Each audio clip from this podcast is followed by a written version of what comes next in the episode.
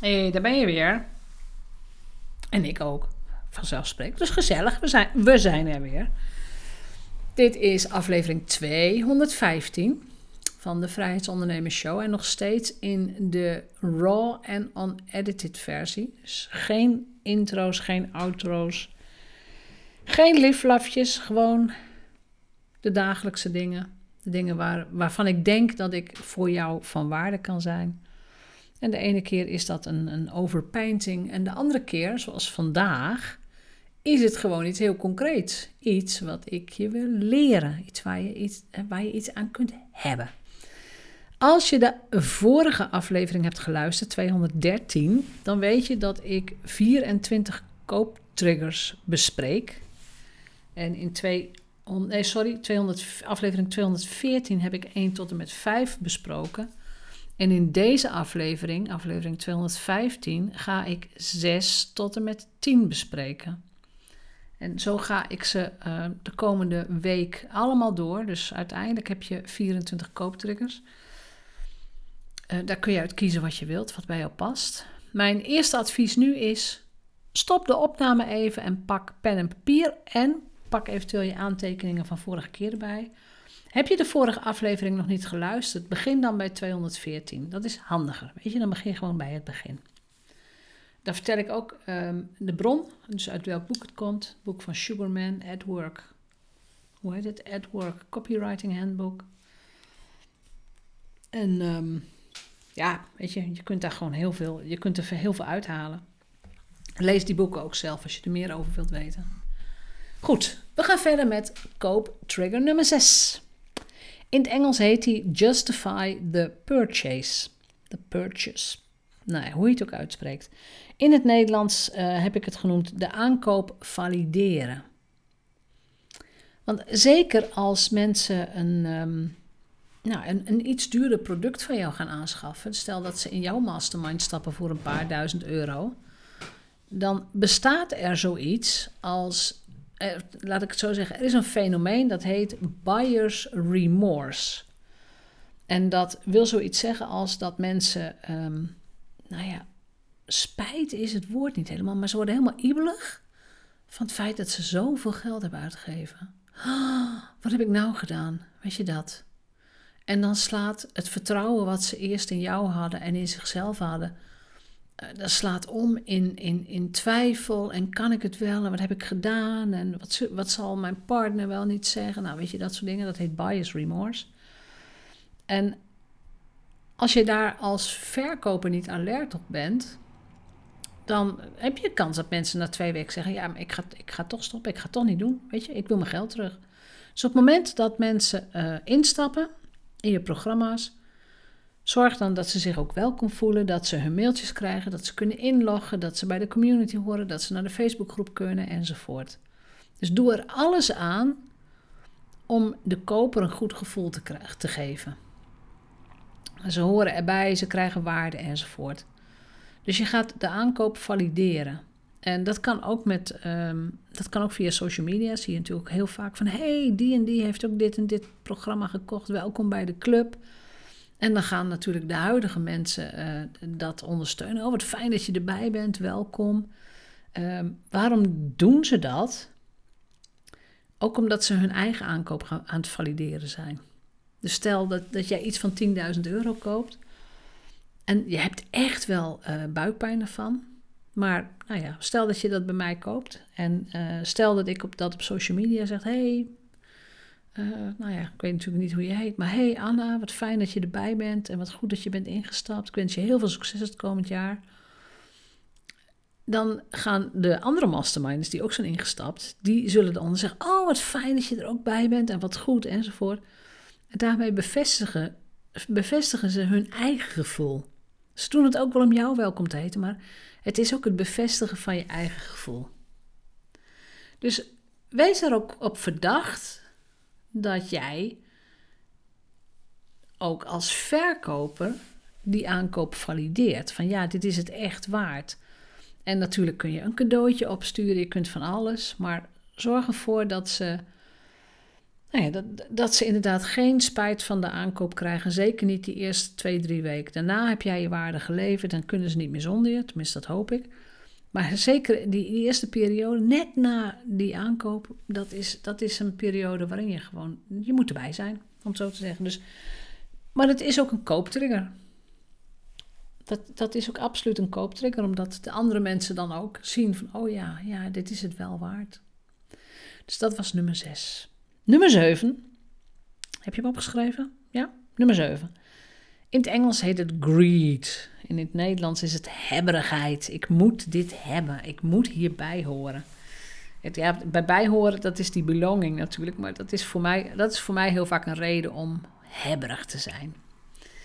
Nou, als je, ehm, als je niet gelooft in hebberigheid, moet je maar eens een keer naar de dwaze dagen van de Bijenkorf zo gaan kijken. Of uh, de, de Black Friday deals. Mensen zijn hartstikke hebberig.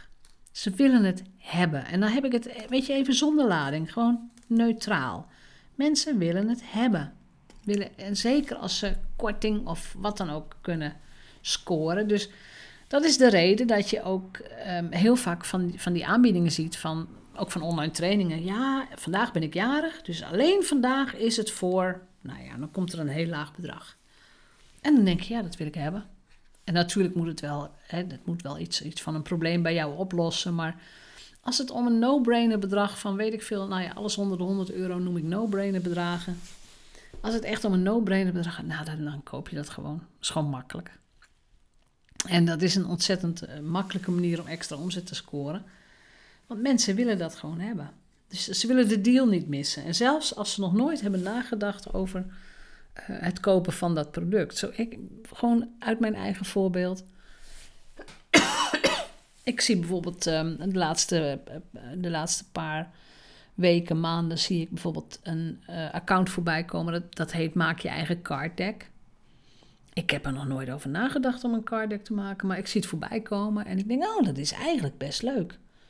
Mijn eerste hebberigheid eh, trigger is aangezet. Oh, dat is eigenlijk best leuk. Ik heb het nog niet gedaan, ik wil de tijd er nu niet in stoppen. Maar het heeft wel, weet je, het is al wel een triggertje geweest.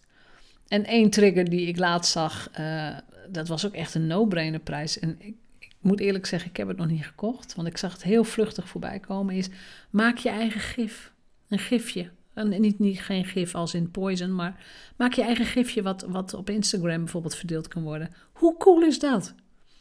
Weet je, ook nog nooit over nagedacht, maar ik denk, ja, dat moet ik ook hebben. Moet ik hebben. Dus um, onderschat het ook niet, weet je? Onderschat het niet. Dus zet ze ook in actie door, nou ja, door ook de hebberigheid te benadrukken. En dan natuurlijk niet letterlijk, maar door de woorden die je kiest. Dus dat is nummer 7, hebberigheid. Greed. Nummer 8, autoriteit. Establish authority. Niemand koopt iets van iemand die zelf twijfelt. Of die overal slachtoffer van is. Of die alleen maar eh, aan het klagen is. Of die zelf al twijfelt aan de waarde van, van haar of zijn product. Nee. De meest succesvolle ondernemers zijn de ondernemers die niet twijfelen aan de waarde van hun product. Ik heb het even niet over eigenwaarde of over wat dan ook, maar die niet meer twijfelen over de waarde van hun product en dat wat ze kunnen doen voor jou als koper. Autoriteit, dat is natuurlijk ook een van de, de manieren van invloed van Cialdini. Dat doe je bijvoorbeeld door certificaten te halen, diploma's te halen. Dat doe je door in de pers te verschijnen, op de televisie en het liefst de nationale televisie. Weet je, dan, dan, dan, nou ja, dan ineens stijgt het ook met sprongen. Dat doe je door um, in, in publicaties te komen, in tijdschriften, in kranten. Dat doe je door podcastgast te zijn, dus geïnterviewd te worden over jouw bedrijf of over jouw zienswijze.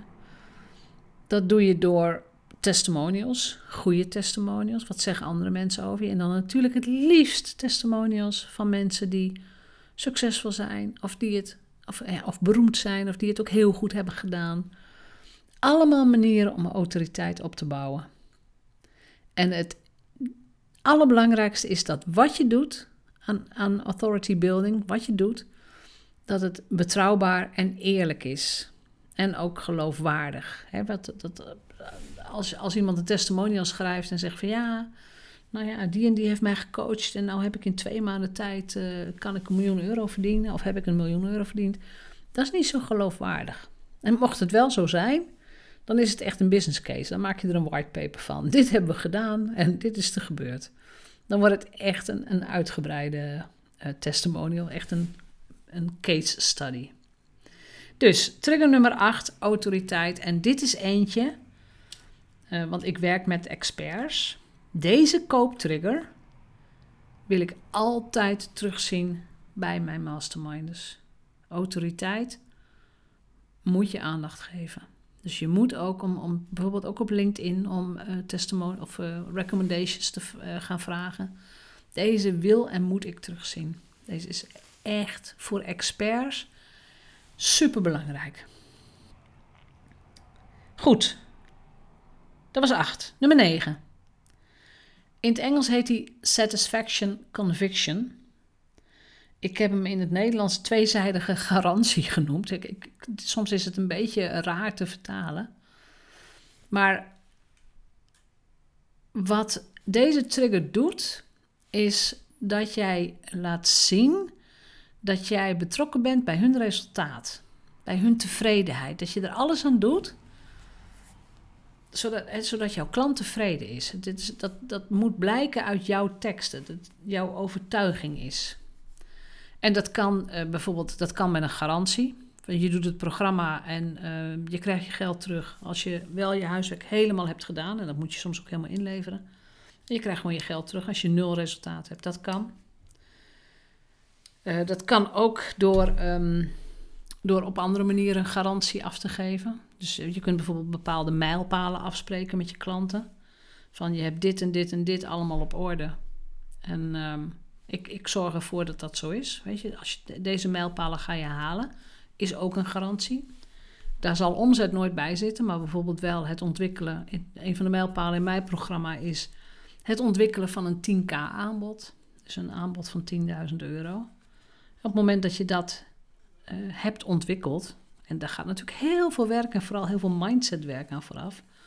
Maar op het moment dat je dat hebt ontwikkeld, heb je gewoon een keiharde mijlpaal bereikt.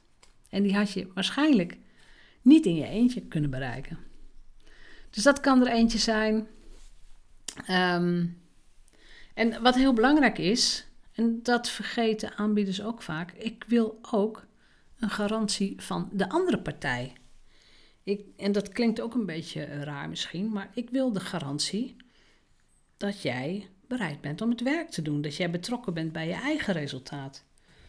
Dat jij ook op eigen benen staat. Dat je, dat je, nou ja, resourceful bent noem ik dan, maar dat jij ook laat zien dat jij zelf ook heel veel belang hebt bij het slagen van je bedrijf. Dat is iets wat ik afspreek in de intakegesprekken en ik vind het ook belangrijk. Het, het, is jouw business en ik ben er om jou te laten shinen en te laten floreren. Maar je moet het werk wel zelf doen. Weet je, zo simpel is het. En klanten die daar geen zin in hebben, die, die de verantwoording bij een ander leggen, ja, weet je, die filter ik er in een intakegesprek al uit. En vaak is dat ook al, uh, is het ook al te zien aan de manier waarop ze zich profileren en nou ja, waarop hun social media vormgegeven wordt. En ik zeg ook gesprekken wel eens af van ik denk niet dat het een match is, dat gaan we niet doen. Dus weet je, en dat vereist ervaring. Dan moet je gewoon, dan moet je misschien ook um, ja, ervaring hebben. Wat past wel en wat past niet. Dus dat was nummer 9. Dan nummer 10, en dat is de laatste van vandaag. En dat is natuurlijk uh, het product zelf, de nature of product, de aard van het product. En daar heb ik natuurlijk ook al een beetje aan getipt aan uh, het waarde leveren. Dat is uh, tip nummer 5 uit de, vorige aflevering. Deze trigger is een hele individuele trigger. Kijk, de ene persoon is bijvoorbeeld heel erg gevoelig voor het feit. Eh, weet ik veel. Ik heb het even, stel dat we het even over spijkerbroeken hebben. De een wil echt een fantastische pasvorm en een groot merk op de broek. En Nee, want het gaat meer om status of buitenkant, weet ik veel. Terwijl een ander zegt, nou, doe mij maar een beetje een stretchy jeans, want hij moet lekker zitten. Is een andere trigger. Is een andere, is, laat ik het zo zeggen, is een ander kenmerk van hetzelfde product. Een jeans is een jeans. Een spijkerbroek is een spijkerbroek. Een auto, ja, een auto is een auto, jongens. Maar wat een verschil of je nou een Lamborghini koopt of een, een, een, kleine, een klein Japans autootje, ik noem maar iets. Dus hoe jouw product eruit ziet, is voor de koper ook heel belangrijk. En daar komt natuurlijk prijsstelling en eigenwaarde meteen om de hoek kijken. Op het moment dat jij je meest waardevolle product leeft, en laten we zeggen dat dat op 10k is, op 10.000 euro, wat ga je dan bieden? Wat kun je bieden voor 10.000 euro? Dat is de vraag die ik heel vaak stel aan iemand. En dan ineens gaat het niet meer over losse coaching sessies of een paar één op één uh, uh, uren in de praktijk of wat. Nee, dan gaat het over veel meer. Dus de aard van je product gaat veranderen en daarmee ook je verdienmodel trouwens. Maar het is heel belangrijk dat jij weet wat jouw klant nodig heeft, wat jij kunt bieden en welke waarde die klant aan jouw product, dus aan de transformatie, eh, hangt. Want welk product jij ook verkoopt, jouw product zorgt voor een transformatie bij de klant. Ook al is het maar een spijkerbroek. Want zonder spijkerbroek is het leven ook, nou ja, saai, zou ik bijna zeggen. Of je moet in je blote kont de straat op. Maar weet je, mensen willen er ook gewoon netjes uitzien. En uh, als ze dan toch een spijkerbroek kopen, dan moet die ook, hè, dan moet die jou ook zo voordelig mogelijk eh, de straat op laten gaan. En voordelig bedoel ik met het beste eruit zien, niet in prijs. Dus daar hebben mensen ook gewoon geld voor over. En dat is ook zo met kennisproducten. Mensen hebben geld over voor de meest verlangde, ja, hoe zeg je dat nou in mooi in Nederlands? Mensen hebben veel geld over voor de transformatie waar ze zelf het meest naar verlangen. En in mijn geval is dat dus heel vaak vrijheid. He, dat kan zijn financiële vrijheid, dat ze gewoon veel meer rust eh, in hun leven hebben, doordat het geld geen, uh, nou ja, of in elk geval veel minder een issue is. het kan ook zijn uren. Eh, een vrijheidsondernemer hecht ook waarde aan uren die niet besteed worden aan werk, maar waar wel geld in wordt verdiend. Door, door bijvoorbeeld online trainingen te verkopen of producten te verkopen. Zodat je, weet je, zodat je als vrijheidsondernemer, weet ik veel, lekker kunt gaan paardrijden of sporten of reizen of wat dan ook. Dus de nature of product, dus de, de aard van jouw product, bepaalt ook, of bepaalt mede ook, de kwaliteit van de klant. En deze, ik sta er echt wel langer bij stil bij deze deze heeft voor mij echt één op één ook een koppeling met trigger nummer 5, met de waarde van je product. dit vereist denkwerk. Denkwerk, experimenteren ook met je klanten. Wat ga je bieden? Wat, wat, weet je, wat is een beetje de, wat is een beetje de, de, de, de golden rule, om het zo te zeggen. En, uh, en hier ga je ook in groeien. De aard van je product ga je in groeien. Hoe meer vertrouwen jij in jezelf hebt en hoe beter de resultaten gaan worden van je klanten, hoe verfijnder ook de, nou ja, jouw productaanbod gaat zijn. Dus dit was trigger nummer 10. Ik hoop dat je meegeschreven hebt. If not, luister dan terug en uh, maak alsnog aantekeningen. De eerste vijf, ik zei het al in het begin, staan in aflevering 214. In totaal krijg je van mij 24 kooptriggers verspreid over de afleveringen die gaan komen. Beluister ze allemaal, maak je aantekeningen en um, luister ook goed waar ik bij stilsta en waar ik aandacht aan geef. Want dat zijn voor kennisondernemers vaak de belangrijkste kooptriggers. Dus onder andere die ik vandaag heb, 10 wat ik vandaag zei. En nummer 8, autoriteit, ook echt super belangrijk. Dus ik wens je een hele fijne dag. En ik wens je natuurlijk ook heel veel kooptriggers en klanten en sales en omzet en vrijheid.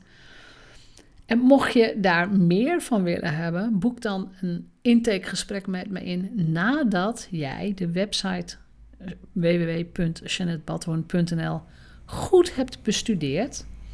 En dat je ook vooral goed hebt gekeken naar wat biedt ze aan, wat gaat het mij kosten en wat gaat het mij opleveren. Want alleen dan hebben wij een fatsoenlijk gesprek. Dus uh, boek niet zomaar in. Doe je huiswerk. Dat ga ik ook doen voordat, uh, voordat we in gesprek gaan. En wellicht ga ik jou begroeten in de volgende Mastermind ronde. Dus dat gezegd hebbende, ik wens je een hele fijne dag en tot morgen.